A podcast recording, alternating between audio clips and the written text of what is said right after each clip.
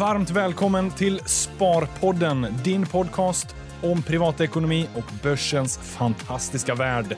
Varje onsdag ett nytt avsnitt. Häng med, för nu kör vi igång.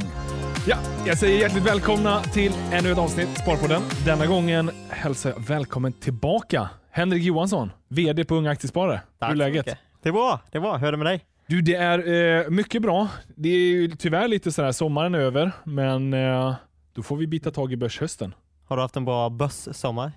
Det har jag haft. Vi har haft ganska mycket börsledigt.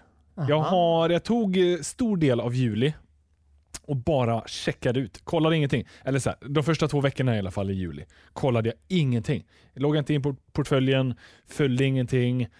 Det var ganska skönt faktiskt. Efter en sån uh, otroligt händelserik vår som det ändå var. Men sen så började abstinensen krypa sig fram så att eh, då började jag väl kika lite igen. Nu sitter man här i träsket fast. Tillbaka. Ja, själv då? Hur har sommaren varit? Ja, men den har varit bra. Väldigt, väldigt bra. Jag tror att jag prickade in rätt veckor med semestern, så jag fick väldigt eh, mycket sol. Så inte att, eh, juli med andra ord. Så inte juli, utan jag hade det mesta i augusti, så jag är, jag är väldigt nöjd. Och kollar man börssommaren så har jag nog också legat lite på latsidan. Eh, det har nog framförallt varit fonder för mig denna sommaren, alltså mitt vanliga månadssparande och inte så många aktieaffärer. Ah, det ser man. Det är kanske något vi kan ta återkomma till lite också. Jag tänker, eh, eller säga, jag bjöd in dig dels för att jag vill alstra så mycket av din expertis som möjligt. Uh, för du är ju, uh, men, så här, vi ska prata lite tidslös kunskap uh, om börsen. Jag tänker så här, det är skönt här nu när börsen ska kicka igång få med sig lite tips och tricks inför börsen på strategier, tankar, upplägg, verktyg, analysmetoder, lite allt möjligt vi kan tänkas komma in på. Eh, Så att massa sånt ska vi hinna snacka om Eh, och, och lite annat. Men jag tänker så här, du är ju smålänning. Så jag måste ju också bara ställa frågan, hur har de småländska bolagen gått under det här börsåret? Eh, ja men okej, men om man kollar jämfört med tidigare år så har nog inte småländska bolagen slagit index så mycket som det gjorde ja, för två år sedan, för tre år sedan, för fyra år sedan. Så kollar man på fem eller tio års sikt så ser vi att småländska bolagen har slått index med ganska, ganska, ganska mycket. Senaste året har inte varit samma fantastiska eh, ja, överprestation eller vad man ska säga.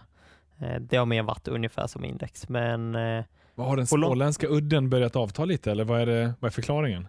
Ja, men man, blir, man blir ju lite orolig Ja. faktiskt, men det, jag tror det kan vara lite att de småländska bolagen är något mer volatila och då kanske de haft det lite tuffare just nu. Det var ju också ungefär ett år sedan du flyttade ifrån Småland. Finns det Ja. en korrelation där kanske? Det kan det ju vara så att det var ett år sedan eh, jag flyttade från Småland. Lite väl självgod kanske.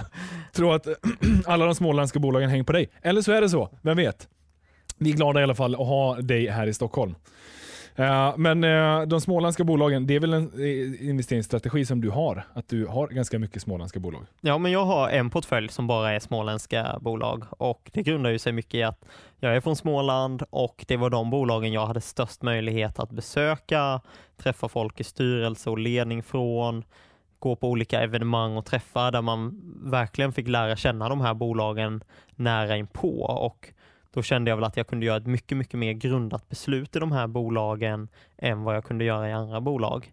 Ehm, Så Ah. det är väl, sen är det väl att man är lite patriot också. Ja, okej. Jag tänkte nästan det. Men det var ju ett väldigt rationellt sätt att resonera kring det.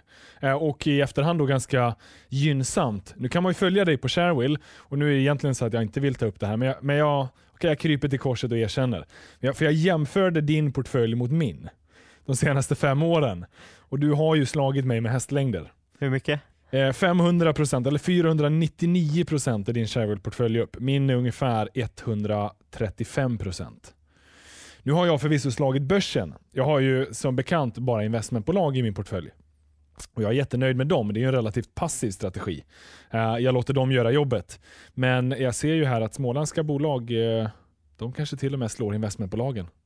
Ja, det är historiskt senaste 5-10 åren Ja. ser det ut som det, men jag tror att man också måste ta i beaktning att okej, men vilken risk har man tagit i exempelvis investmentbolagen jämfört med de småländska bolagen?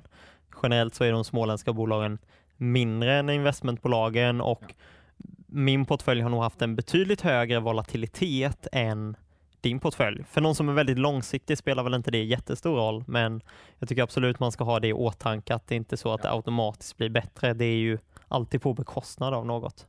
Yes, så är det ju. nu har jag ju valt generellt sett investmentbolag bara liksom rakt över ett bräde. Ganska lika viktat.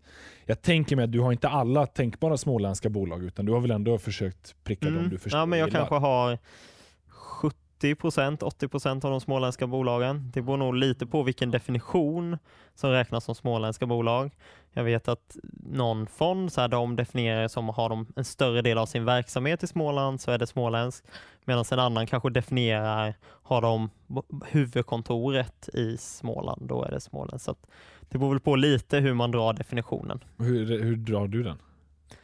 Eh, Ja, jag är nog ganska liberal med okay. vad som är småländskt. eh, Bara men, att det räcker en person som pratar småländska. men jag skulle säga att eh, liksom, ja. huvudbolaget eller om de kanske har flertalet dotterbolag i Småland, ah, okay, ja. då är, blir jag intresserad av att det ska bedrivas verksamhet där. Ja, men det är väl rimligt. Ja, men ändå spännande. Eh, man kan ju följa dig som sagt på Sharewell och mig om man nu gillar det. Det är ju historia, men det är ändå lite kul att jämföra sådär. Även om det inte var eh, så kul. Eh, för mig då. Förvisso har ju börsen stigit med ungefär, jag kollade Six Return Index, alltså inklusive utdelning. Den var upp ungefär 60% fem år. Så jag har ju ändå slagit det. Så det är lite ja. skönt. Men men. Eh, jag tänker så här, vi ska försöka eh, reda ut en hel del tips och tricks på börsen. Eh, saker som vi tror kan vara värt att ha med sig, både för nybörjaren, men också för den som har hängt med börsen ett tag, som bara behöver fräscha upp minnena efter en så här händelserik vår. Men innan vi hoppar in på det, kan det vara lite kul att bara reda ut vilka strategier som inte funkar. Har du någon strategi som du vet absolut inte är ett bra sätt att approchera börsen på? Jag hade en strategi som när jag började med aktier som inte alls fungerade och jag tror det är väldigt många som gör den. Och Det är den här klassiska att man säljer av sina vinnare för att på något sätt rädda sina förlorare. Att, låt oss säga du har tio bolag och fem går ja, men ganska bra ett tag och fem stycken går ganska dåligt. Och utan egentligen att kolla på bakomliggande orsaker, att de går bra eller dåligt, så säljer du de som går bra, får ta hem de här vinsterna, mm. får köpa mer i de som går dåligt då, bara för på något sätt försöka rädda hem dem. Och jag tror att det är väldigt vanligt att folk gör detta, men ofta inget rationellt tänkande bakom utan det är den här psykologiska effekten att ja men säljer jag dem då har jag gjort ett gäng vinster. Och det känns som att nu behöver inte mina förlorare gå upp lika mycket för att de ska, eh, ska liksom bli plus minus noll. Att det känns som att varje aktie är ett nollsummespel men så är det ju inte utan de som har gått upp har ju troligen gjort det för att det underliggande bolaget har gått bra. Medan de som har gått dåligt har ju troligen det hänt något liksom negativt. Så är det ju i de allra, allra flesta fall. Sen finns det ju alltid undantag där eh, bolag helt springer iväg uppåt och vissa åker neråt. Men i det stora hela så, eh, så är det ju så. Ja, och, och sen är det också här, dumt att sälja sina vinnare. Även om du har gjort en bra utveckling så kan det ju mycket väl fortsätta för de är ju på någonting på spåret.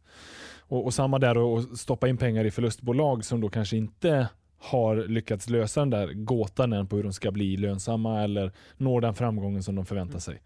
Så har, du, har du någon strategi som du tänk, känner så här, det har alltid misslyckats? Eh, ja, alltså den absolut tydligaste det är ju att inte ha en strategi. Alltså att eh, famla lite i mörker, lyssna eh, okritiskt på andra människor och bara köpa det som du eh, hör, läser eller märker att andra snackar om. Det, liksom det som är i rubrikerna på tidningar eller i forum. Det är ju en ganska vansklig strategi att bara följa det blint. Eh, så att, att hitta en strategi är ju det som funkar. Att inte ha en strategi är det som garanterat får dig att förmodligen köpa och sälja alldeles för mycket, dribbla bort det själv. Och det, man kommer nog kanske inte uppleva att det är lika kul heller. Mm. För att det känns mer komplext och svårt än vad det behöver vara. Så att den tror jag, att inte liksom kristallisera någon form av strategi. Det behöver inte vara perfekt i början. Det kan vara lite så här, men jag kanske vill ha utdelningsaktier. Så har jag det som lite fokus. Eller jag gillar investmentbolag. Det behöver inte vara mycket mer komplext än så till att börja med. Eh, och det behöver inte vara den strategin du alltid ska ha. Men, men man behöver ändå ha något form av så här ramverk för att approchera det. Ja, men det känns ofta som att de som inte har någon slags strategi är de som också fastnar i de här ja, olika fällorna Ja. av olika slag. För de har liksom ingen riktning på vart ska portföljen, vilken riskspridning ska jag ha, vilka bolag ska jag ha. Det, och bli mer reaktiva eh, än proaktiva. Att när ett sånt här coronakraschfall händer så blir det väldigt mycket panikartat. Ja, liksom, man känner sig ännu mer vilsen och man kanske kände sig vilsen innan. Eh, och alla är vi ju någorlunda vilsna på börsen för vi vet inte vad som händer imorgon. Men har man ändå en strategi så kan man luta sig lite mot att ja, men, så, här, jag ägde investmentbolag innan corona och jag äger dem även efter corona. Eh, För, för jag är trygg i den strategin. Sen finns det, det är inte den universalt bästa strategin, utan den funkar för vissa och den är relativt passiv och sådär. Men, men ändå någonting som gör att man känner sig lite mer trygg. Och, och det tror jag är en ganska viktig eh, nyckelbit för att, för att lyckas på börsen. Har du någon mer, någon mer strategi? Eh, ja, men vi pratade lite precis innan vi började spela in om eh, den här strategin att sådana som tecknar i nyemissioner Mm, gång på gång på gång. Det finns ju ofta de som fastnar i de här förlorarna som vi sa tidigare och så kommer det en nyemission och då känner de att ja, men här har jag ju fått en chans att utnyttja någonting, att jag har fått ett erbjudande och så tecknar de.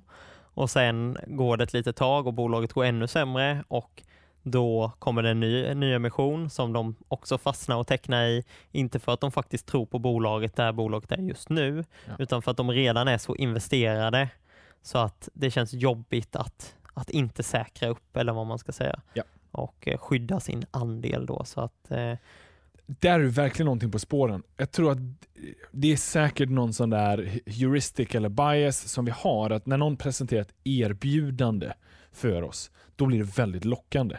Eh, och framförallt om man redan sedan tidigare är ägaret, ja, men då, då är du ju redan innanför dörren, då är det nog lätt, eller det är, vet jag ju, för bolagen lättare att övertyga dig som redan befintlig ägare.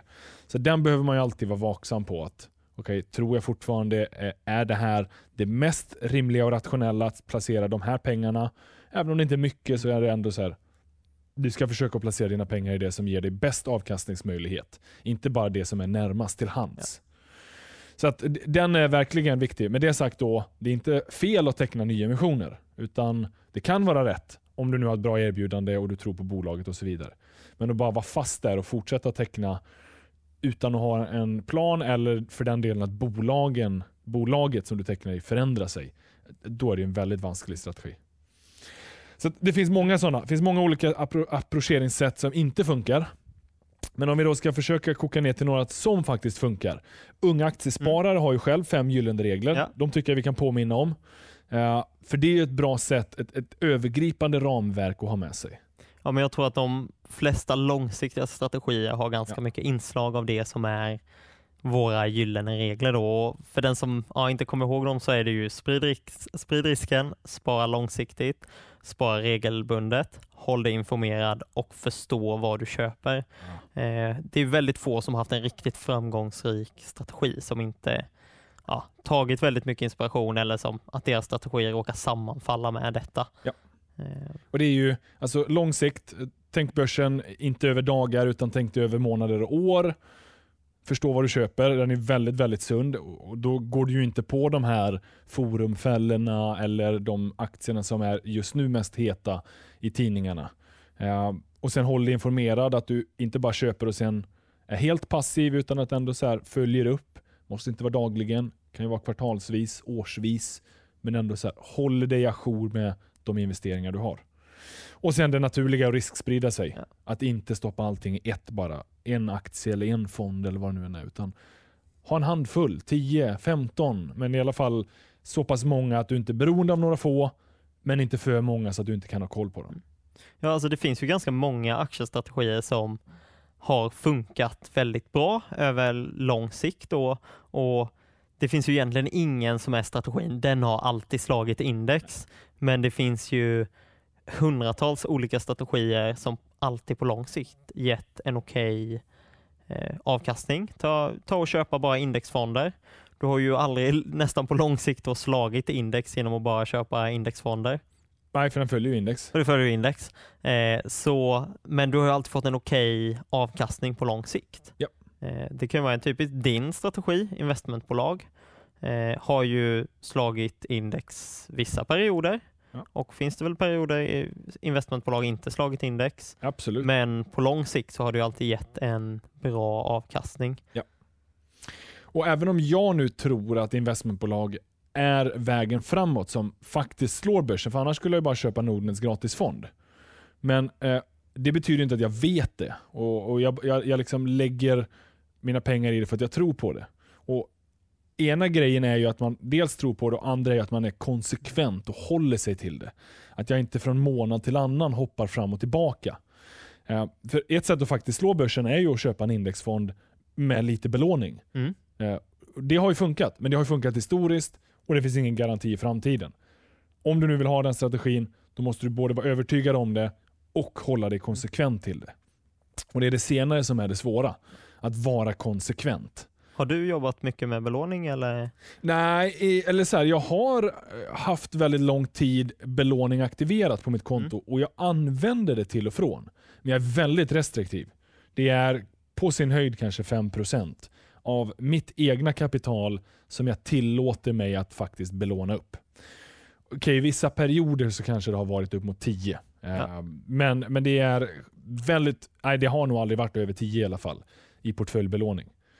Så att eh, den är ju ett sätt för mig att dels eh, få lite mer exponering mot börsen, för jag tror på den på lång sikt. Men också ett sätt för mig att hantera kassaflöde. Att eh, ha lite belåning aktiverat möjliggör ju att jag kan köpa under månaden när jag nu känner att nu vill jag köpa. Istället för bara den 25 när lönen kommer. Men, är, men i praktiken så, så nyttjar jag inte det så mycket. Men jag har ändå det aktiverat och lite extra exponering. Du är ändå liksom redo att Ja. göra investeringen? Ja. Använder du belåning? Eh, ja och nej. Jag har egentligen ingen belåning jag utnyttjar på min aktieportfölj. Men jag vet att Nordnet exempelvis har ju sitt eh, superlånet, heter Ja, det? portföljbelåning. Portföljbelåning eller som du kan använda till att ja, men belåna din portfölj. Det är ingenting jag själv använder aktivt. Men å andra sidan så när jag pluggade så tog jag fullt CSN-lån. Inte för att jag hade ett behov av att ta CSN-lån, eh, men för att bara investera det fullt ut för att det var en så pass låg ränta då. Så på sätt och vis så har jag ju fortfarande belåning för jag hade kunnat betala tillbaka CSN-lånet med min aktieportfölj. Ja. Men jag väljer ju att ha kvar det lånet för att jag tror att räntan är mycket lägre än vad jag kommer att prestera på börsen. Men varför har du då inte använt portföljbelåning? För du kan applicera lite samma logik. Räntan Aha. är förmodligen lägre, eller den är ju lägre, givet att du har bra riskspridning. Det som aldrig skulle kunna hända med då min, eh, alltså mitt CSN-lån är ju att hur mycket mina aktier än går ner så påverkas varken räntan eller eh, kommer att jag skulle, ringa upp ja, det kommer aldrig ringa att nu måste du sälja dina Nej. aktier. CSN, liksom, de har ju inte en aning om vad jag gör med mina pengar. I deras huvud så är de pengarna konsumerade troligen. Ja. Medan om jag hade haft ett lån hos Nordnet eller hos en annan aktör så då om eh, mitt innehav hade sjunkit alldeles för mycket, då måste ju banken ha tillbaka de pengarna Ja. som finns för att säkra eller så. Ja, men verkligen. Det är ju ett lån med portföljen som säkerhet för banken. Så att, eh, Det är helt riktigt. Det är den man behöver vara medveten om, om man nu vill använda det eller inte.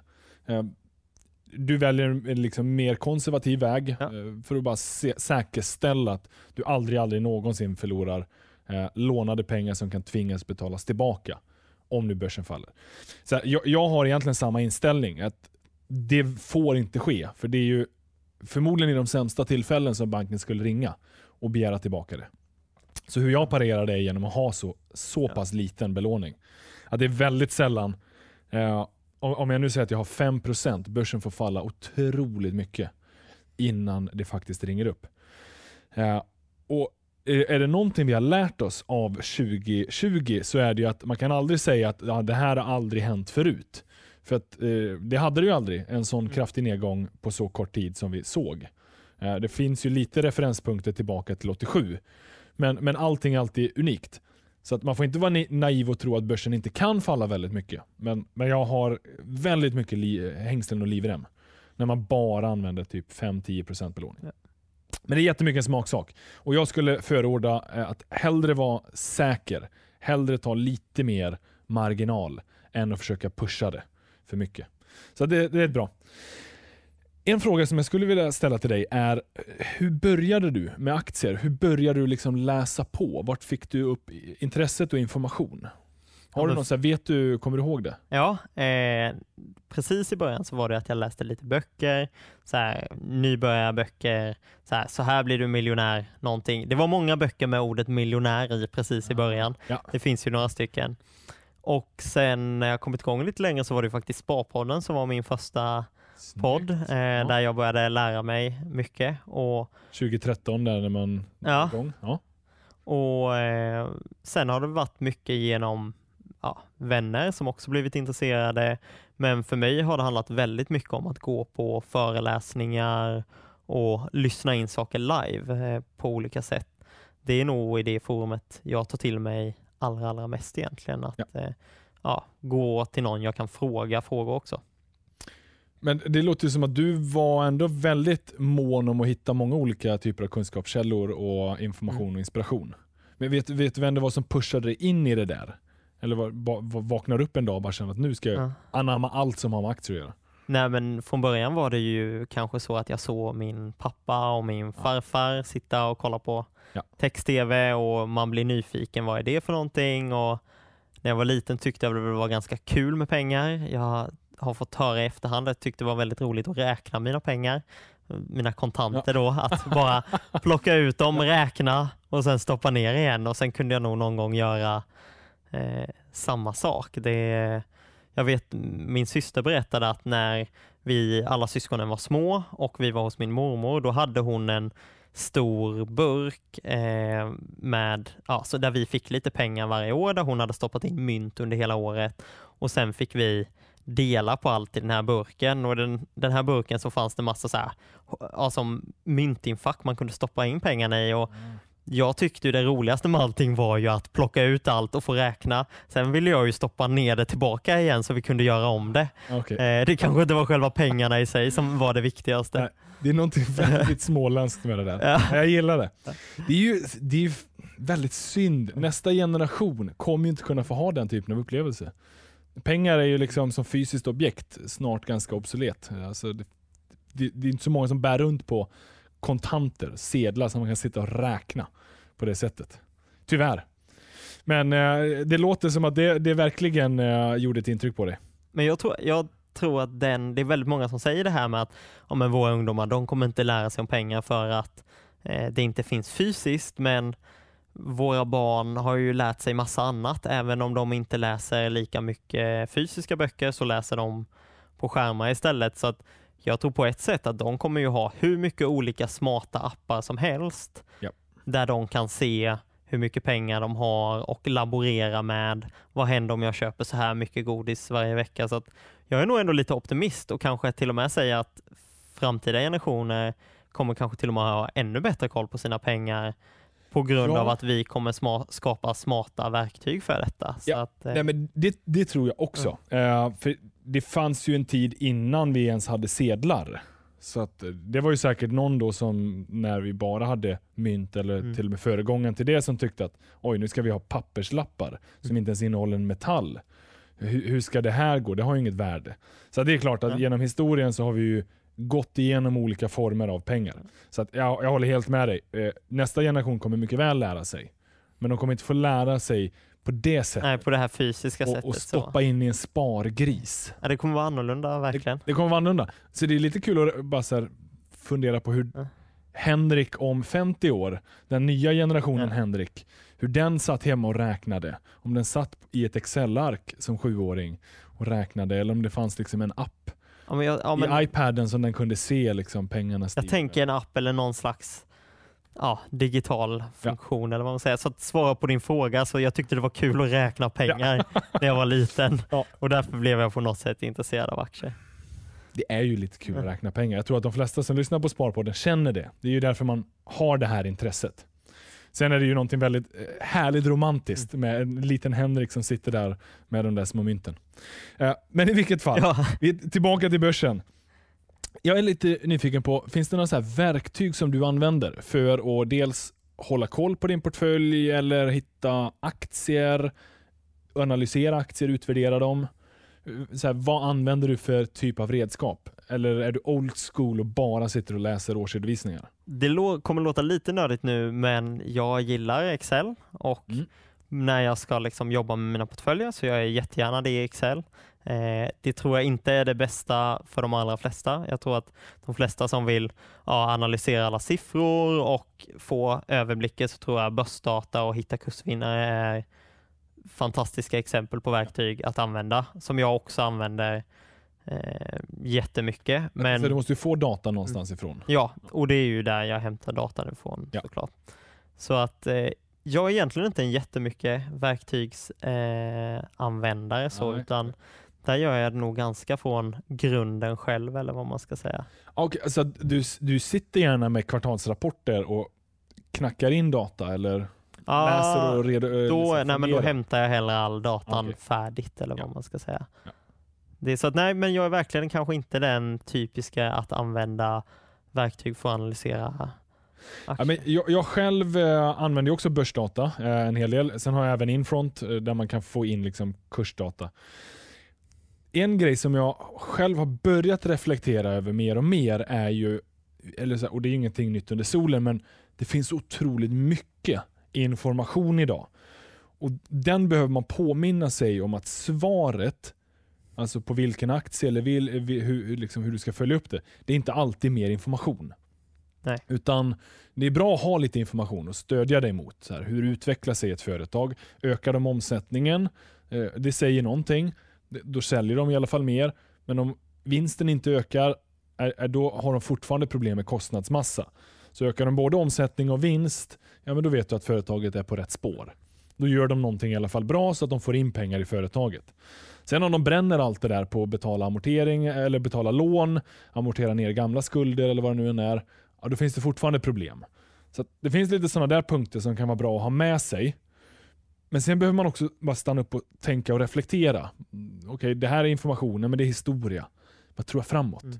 Och den kan du inte med någon form av siffra eller data ta reda på, utan där får man bara göra eh, en, bedö- en bedömning, en gissning.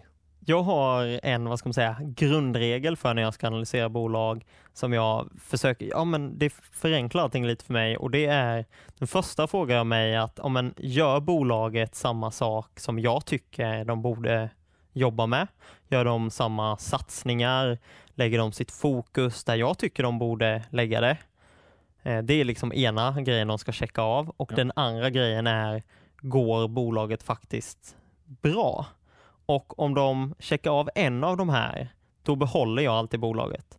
För att jag ska köpa bolaget, då måste de checka av båda. För att jag ska sälja bolaget, då måste de liksom misslyckas med båda. För då kan jag alltid säga med ett bolag jag äger, okej men bolaget går jättebra, trots att de inte gör det jag tycker de skulle göra, för då hade jag nog fel. Men om bolaget faktiskt gör vad jag tycker de skulle göra, men att de har det lite tufft, då tänker jag att okej, men de gör ju i alla fall vad jag tycker de skulle göra. Så att få köp, då måste de checka av båda. Ja. Och för ett sälj, då, måste de, då check, får de inte checka av någon. Nej, okej. Och om de bara checkar av en, då är det ju ett behåll. Ja. Den var intressant. Det, det, den är ju jätte... Dels då lutar du ju mot eh, siffror, någonting rationellt eller, Mm. sådär liksom, som, som vi objektivt kan mäta. Men sen finns det också din egna bedömning, det du själv tror och tycker och tänker, och om den är i linje med bolaget. Det är klart att du är lite också formad av vad bolaget säger historiskt Ja, när du har lyssnat på dem. Ja, men är man lite duktig och lite människokännare så kan man ju då känna in lite sådär, känner jag nu på vdn, har den ett förtroende och ett engagemang här som lyser igenom, då kommer det allt som ofta spegla sig i siffrorna förr eller senare. Så att, eh, den var väldigt intressant. Den, eh, den, den Men det är väldigt ganska bra. enkelt att ta det Ja. så. Sen är det ju jättemånga faktorer som avgör vad, vad ett bolag ska göra och vad man tycker de ska göra. Men det kan man inte förklara det för en tioåring, då är nog strategin för komplicerad på något sätt. Ja, bra. Månadssparar du? Alltså, så gör du så att du alltid köper samma aktie varje månad eller hur, hur gör du den? Ja, men jag, jag köper både fond och aktier och mitt fondsparande det kör jag eh, ungefär samma summa varje månad. Aktier är mer sporadiskt. Det kan både vara oftare vissa månader, månader Mm. men vissa månader mycket mindre. Så att när jag inte vet alls, då hamnar allting i fonder. Medan när jag är jättesäker på vad jag vill ha för aktier, då blir det väldigt lite fonder. Och du kör fond, fonder är ju en naturlig del av pensionen. Men det är även fonder i privata portföljer och sparande? Och. Jag kör fonder framförallt i eh, ja, pensionen såklart, men även tjänstepensionen. Så i min tjänstepension kan jag ha både aktier och fonder. Ja. Eh, För jag kan välja fritt där och då kör jag ändå väldigt mycket fonder där. Men, och sen i det privata, den privata portföljen, där är det aktier ändå? Nästan bara aktier. Jag har lite, lite indexfonder, men framförallt aktier. Ja, men jag har typ liknande uh, upplägg. Det är så här, eh, där jag är tvingad in i fonder så äger jag fonder. Sen äger jag ändå en del lite fonder också. Bara för att komplettera andra marknader och liknande. Men, men det är väldigt mycket aktier som jag har i det privata. Uh, och Då blir det ju inte lika enkelt att månadsspara. Jag har ingen sån där given regel att jag alltid måste liksom spara lika mycket i alla företag eller sådär. Utan jag försöker ändå varje månad, eller jag följer upp min ekonomi varje månad. Hur, hur går det med mina utgifter och intäkter och så vidare. Och Då ser jag också till att se över min portfölj. Okay, hur de investmentbolagen jag har, hur har de utvecklat sig? Hur, hur ser värderingar ut? Finns det någon jag tror mer på eller finns det någon som ser billigare ut just nu? Och kanske koncentrera mer då av det jag ska investera i till dem.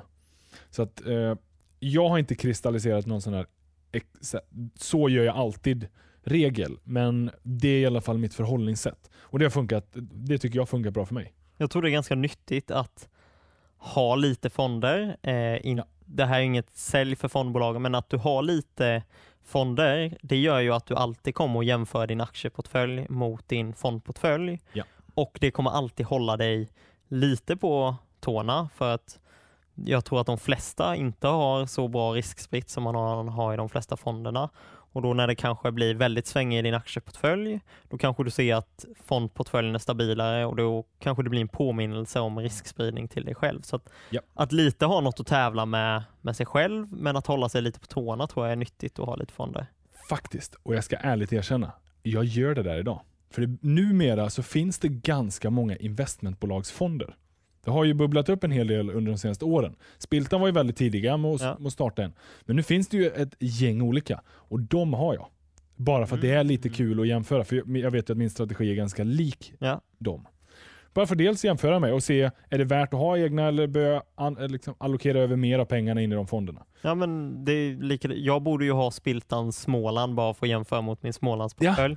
Annars kunde jag ju lämna över all småländska förvaltningen till Ja dem istället om jag inte överpresterar någon gång. Jag, jag tror ändå att det är ett ganska eh, sunt sätt att checka av sig själv. För det finns ingenting som säger att aktier är det bästa. Eh, det trodde jag ganska mycket i början, att ja, men aktier är bättre än fonder. För i aktier behöver jag inte betala den där förvaltningsavgiften. Och liksom, rationalen är ändå ganska sund. Allt annat lika borde du tjäna mer om du inte betalar den förvaltningsavgiften. Givet då att courtaget är ganska lågt.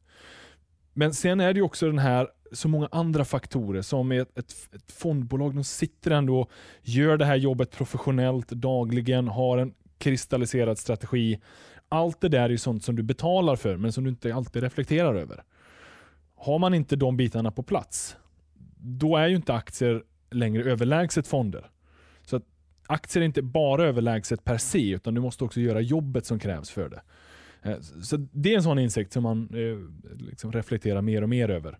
Men i slutändan, aktier är jädrigt kul. Ja. Så det är därför jag äger mycket aktier. Men det är ändå viktigt att ha den eh, reality checken. Är det liksom, får jag lön för mödan? Annars är det bättre att bara lägga Ja. över jobbet till någon Och för, ska man vara helt ärlig, för väldigt, väldigt många så hade nog Ja. fonder varit en Japp. bättre idé. Sitter du på två, tre aktier som väldigt många gör och du inte tänker sprida det i fler, då är det statistiskt sett bättre att du byter till fonder eller till att du risksprider mer och köper fler bolag. Det är, Eller kombar, alltså kör lite aktier och lite fonder. Det är inte liksom, man kan vara flexibel där. Ja, men vä- väldigt intressant. Du, en annan eh, fundering. Uh, börsnoteringar. Mm. Det är ju en hel del nu som är på väg in under hösten och det kommer säkert bli en ganska intensiv börsintroduktionshöst. Hur, hur brukar du ställa dig till börsintroduktioner? Är, du- är du med mycket i sånt eller är du Jag är verkligen inte en av dem som deltar på alla Nej. genomgående. Det var ju när det var den senaste IPO-rushen för några år sedan så jag hade ljugit om jag inte sagt att jag kom med lite och tecknade vissa saker jag kanske egentligen inte var riktigt, riktigt insatt i. Eh, så jag, i dagsläget så gör jag nog så att jag kan vara intresserad av vissa nyintroduktioner, men då så är det regeln förstå vad du köper. Den blir liksom prio nummer ett. Jag ska kunna förstå bolaget ännu mer än om det hade legat på börsen och detta är ju för att det finns ju ingen det finns ju inget marknadspris på aktien ännu eftersom den inte har kommit ut än så att risken att du hamnar helt fel prismässigt är ju på kort sikt väldigt, väldigt mycket större. Nej, Det är väldigt mycket sunt i det du säger. Eh, Hur känner du själv? Ja, men, jag, men jag kan vara med i en del, och, och så, bara för att det är lite, det är lite kul. Jag, jag tycker att det är kul att fler och fler företag kommer till börsen. För vi gillar ju aktiehandel, vi gillar ju börsen, så det är nice när det finns fler bolag där. Um, så det ser jag ju fram emot om, om det blir nu en bra IPO, börsintroduktionsvår, höst. Men eh, sen är det klart att jag tänker efter och liksom funderar på, förstår jag vad de här sysslar med? Är det ett rimligt pris de har satt?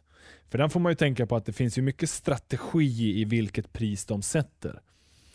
Generellt sett när någon ska börsintroduceras så är det för att de ska ha, de behöver pengar. De, de vill lyfta pengar för att de ska växa framåt. Och då vill de ju givetvis ha så mycket pengar som möjligt så de kan växa så mycket som möjligt. Och sen så finns det ju ofta kanske också någon ägare som har varit med ganska länge som vill eh, sälja av. Så då vill de ju gärna ha liksom så hög kurs som möjligt. Eh, Jag som köpare vill ju alltid köpa så billigt som möjligt. Så får man ju se, eh, liksom, är det priset de har satt rimligt? Har du själv planerat att vara med i någon till hösten nu eller? Eh, ja, det är fortfarande väldigt få. Nu när vi spelar in det här så är det några. Det är lite Ja. kul. Eh, liksom handelsplattformen Spotlight Ja. ska ju själva börsnoteras. Nu har jag inte hunnit läsa på så mycket mer om dem. Eh, när det här publiceras så är den nog fortfarande aktiv. Så den tänkte jag ska i alla fall läsa på lite mer. Det är, ju- det är ändå kul att en marknadsplats där du kan köpa aktier också blir börsnoterade. En del kan tycka att oj, det där låter lite komplext. Är inte det lite cirkellogik? Ja, fast så är det väldigt ofta. Det är ganska många. Nasdaq till exempel som är Stockholmsbörsen. Och är är ju också noterat. de är ju noterade. De är ju noterade Man, man glömmer ju faktiskt att börserna är ju företag. Ja. Det är ju inte någon slags institution, statlig, utan det är ju, de tjänar ju också pengar Ja. och det finns ju en konkurrens mellan dem även om konkurrensen kanske inte är jättestor i nuläget. Nej, men det är ju det som är lite kul att det, det är ändå lite konkurrens i Sverige. Och den hoppas man ju, för det är ju bra för oss privatsparare. Det finns lite konkurrens. Eh, då gör det förhoppningsvis så att man anstränger sig lite mer för att få lite effektivare eh, marknadsplatser.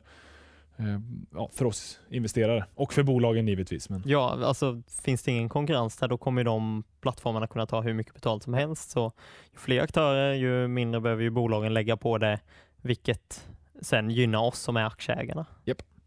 Ja, men så att, eh, sen utöver det så vet man ju inte. Det är ju lite sådär med börsnoteringar att eh, de dyker upp när de dyker upp.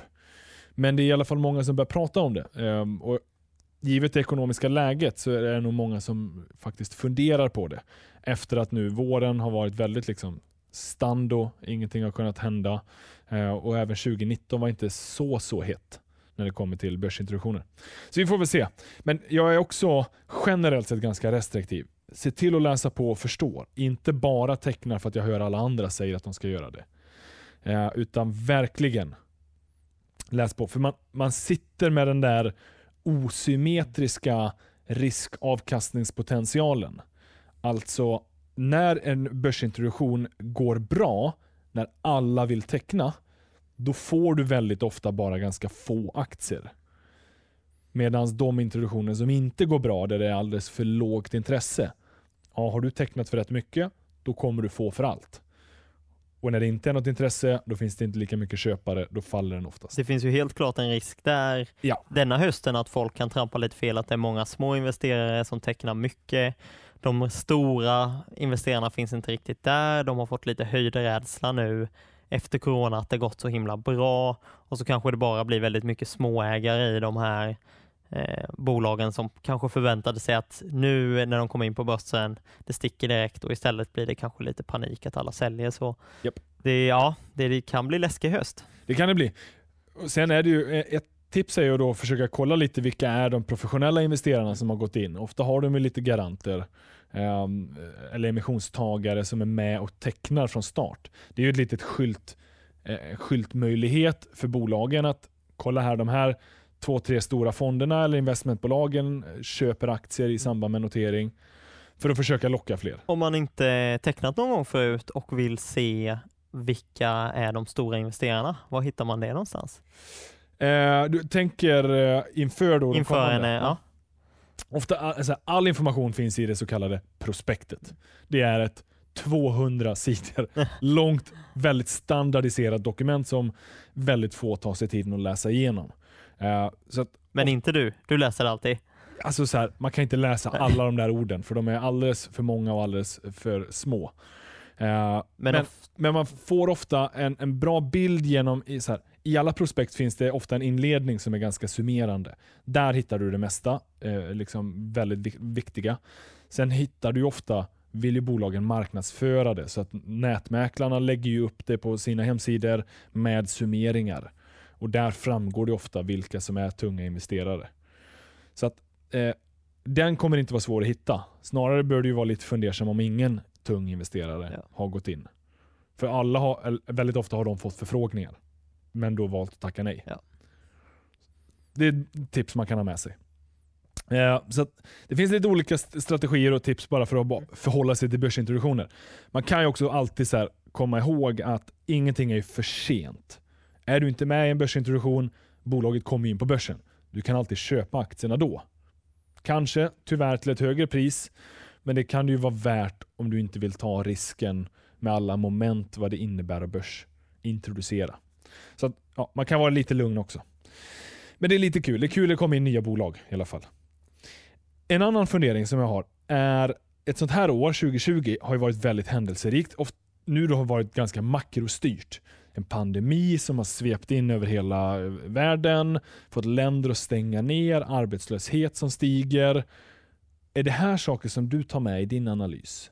Lite så här övergripande penseldrag? Eller är det liksom, vad, vad har hänt i Småland som påverkar? Hur, hur det, är- ja, även de småländska bolagen rör sig lite utanför, eh, utanför vad ska man säga, ut i Skåne och till Halland och Västergötland. Men även resten av världen. Så att Ja. det är absolut, precis som alla andra så tar man ju det i beaktning. Men jag är inte särskilt orolig av det som händer i världen så. Allting handlar ju, kollar man bara tillräckligt långt bak så ser man ju hur mycket bättre vi har fått det. Ja. Att i nästan alla faktorer, sådär, barnadödlighet, hur många har vi i extrem fattigdom, hur många lever i diktatur. Kollar du bara på lite, lite längre sikt så har ju alla de faktorerna, liksom, det har blivit bättre överallt. Ja. Eh, så att jag är ytterst positiv på framtiden. Eh, inte det minsta orolig. Så där kollar jag nog liksom mer, okej men vilka är de strukturella trenderna? Det kan vara som att eh, ja, men vi ska ha säkrare arbetsplatser eh, i hela världen för att det är många länder som blir rikare. Då har man högre krav på säkerhet. Okej, men vilka bolag kan göra en arbetsplats säkrare? Ja. Vi har en äldre befolkning. Vilka kommer att kunna leverera till det i framtiden? Så att Ah. mer de här trenderna och megatrenderna tycker jag är intressant än eh, vem som råkar vara president i det här landet just nu. Väldigt vettigt sätt att förhålla sig till det. Och det, jag försöker ha samma approach. Sen är jag så nyfiken av mig, så det går inte... Här, man, man slås ju av allt sånt som händer.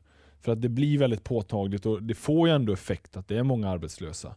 Men man måste komma ihåg som investerare att sådana här makroeffekter, de kan ju röra till det ganska mycket. Det kan ju få en coronakrasch eller det kan skapa en finanskris. Men däremellan så är det väldigt mycket bolagen, deras egna förmåga att skapa sin framgång som är det som lyfter Ja. aktien. Ja men ta corona som såklart är en av de största bekymren världen har haft på jag vet inte hur länge, men kollar du börsen från efter andra världskriget fram till idag och så kollar du det på kanske månadsbasis, då kommer det bara vara en litet, litet jack i kurvan. Ja. Eh, du kommer knappt se det.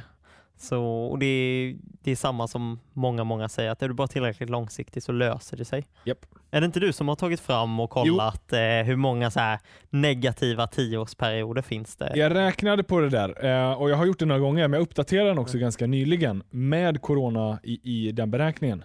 Eh, jag kan lägga upp den på Nordnet-bloggen och länka till den i podcastbeskrivningen. Men den här bilden visar egentligen olika intervaller. Så jag, då har jag räknat alla månader tillbaka till 1950. Och Det finns inget heligt med den där siffran, utan det är, bara, det är en väldigt lång period, 70 år. Och När man kollar månadsperioder så är det nästan som att liksom kasta en krona. Det kan komma eh, krona eller klave. 60% ungefär är positiva månader. Så det är ändå så här, den är en skewed mot positiv och det vet vi, börsen stiger. Men det är ändå typ 40% av alla månader som är negativa. Så att bara köpa aktier på månadsbasis, vansklig strategi, för det kan gå uppåt eller neråt. Men ju mer man stretchar det där intervallet, ett halvår, då är det upp mot 71% av alla sex månaders perioder som är positiva. Tar du ett helår så är den 77. Och den magiska brytpunkten då är vid 10 år. Finns inte en enda tioårsperiod som har varit negativ på svenska börsen sedan 1950. Det är ändå ganska Mm. häftigt. Att man tänker då, okej, men nu när börsen kraschade i våras och när den var på riktigt låg, precis som varje år är det ju jättemånga som säljer alla sina aktiefonder för att Ja. de blir rädda och oroliga. Undrar hur många som sålde där som minst skulle spara de pengar i tio år till, men ändå sålde. De har ju gått miste om en del avkastning, Verkligen. tyvärr. Och även den som köpte på absoluta toppar, liksom precis innan finanskrisen, precis på IT-bubblans topp, när allting hade spänts till skyarna, även då tio år senare, har du haft en positiv avkastning. Sen kan det givetvis skilja sig. Det finns en del tioårsperioder som är väldigt mycket bättre än andra. Men det är ändå ganska häftigt att det är så här, är du tillräckligt långsiktig så funkar det. Det bara vill till att hålla sig till det. Och det är det som är det svåra. Att först ha en strategi och sen vara konsekvent med den. Att förstå långsiktighet och sen faktiskt hålla sig till att vara långsiktig. Sen är det ju inte alla aktieportföljer som har gått eh, positivt. Nej, nej, nej. Det här är ju bara det svenska är ju börsen. index, men om du bara sprider din risk så, så talar ju oddsen för dig Och sen det finns det ju de som har slagit börsen. med väldigt mycket. Ja, med väldigt mycket. Investmentbolag typ. Ja, ja men, Ja, men fick du en, del, en del har gjort det över tiden. Eh, det, det är liksom, det här är historia, vi, vi, har, vi har ingen aning. Det kan ju vara så att de kommande 70 åren, allting bara totalkraschar. All optimism försvinner. Det är bara du kvar som är optimist. Eh, då kanske det blir eh, riktigt illa, men jag tror ju ändå inte det. Vi människor är innovatörer. Vi vill framåt, vi vill skapa nytt. Mm. Vi kan inte sitta still. Bara kolla ett år som det här när alla tvingas sitta inne. Det, det börjar Ja. liksom Klia i benen. Ja. Ja. Man vill göra saker. Och man kan ju tänka så också att om man är rädd för att förlora allt, har du spridit risken jättemycket och du ändå förlorar allt, då kommer att du förlorat dina pengar på börsen troligen vara världens minsta problem. Japp. Ehm, Jag tror då. också det. Då har vi större problem. Nej, så långsiktighet eh, funkar. Och eh, ja, Härligt att snacka lite aktier med dig Henrik. Detsamma. Och unga aktiesparare ska man ju gå med i om man inte är medlem, eller hur? Verkligen. Det är, det är ju ett helt fantastiskt förbund. Jag är ju lite partisk här som är VD för Unga Aktiesparare. det. Men för alla Men de det, som... det är en Ja. väldigt, väldigt härlig organisation. Det är väldigt kul för de som kanske inte har full koll på aktier, vill lära sig mer. Du, du skulle säga att det, det, det är den bästa plattformen för att både få utbildning, massa utbildning gratis, men också få likasinnade att diskutera. Eh, det är en sån sak som man kanske missar att man kan läsa på jättemycket, men du måste också ha någon att diskutera med. Så att, eh, prata med era vänner och bekanta hemma, eller hitta nya aktiekompisar genom Unga Aktiesparare. Ja. Och finns det några riktiga aktienördar där ute så, som är ja, unga, så jag lovar, ni har inget annat ställe än Unga Aktiesparare där ni hittar lika många till aktienördar Ja. i er ålder. Så det, det känns skönt. Vi är ett förbund för alla. Eh, Ja. Verkligen. Och eh, nu eh, har det varit mycket digitalt då förstår jag i en sån här Ja, period. vi har ju webbinarier varje vecka egentligen och det kan vara allting från eh, fastighetsinvesteringar, det kan vara hur gör du en riskfri portfölj? Jag höll ett webbinarium såklart om småländska bolag och vi har ju utbildningar på jättemånga olika nivåer då, så både om du aldrig har köpt en aktie förut eller om du är riktig nörd så, så har vi utbildningar för alla. Så Och det, det är ju lite skönt med ett sånt här år där man tvingas in i det digitala, för det gör det tillgängligt för alla, oavsett vart man är geografiskt, i Sverige eller utanför Sverige. Eh, så digitalt är möjligt, men förhoppningen är ju även att man ska fysiskt kunna träffas även framöver.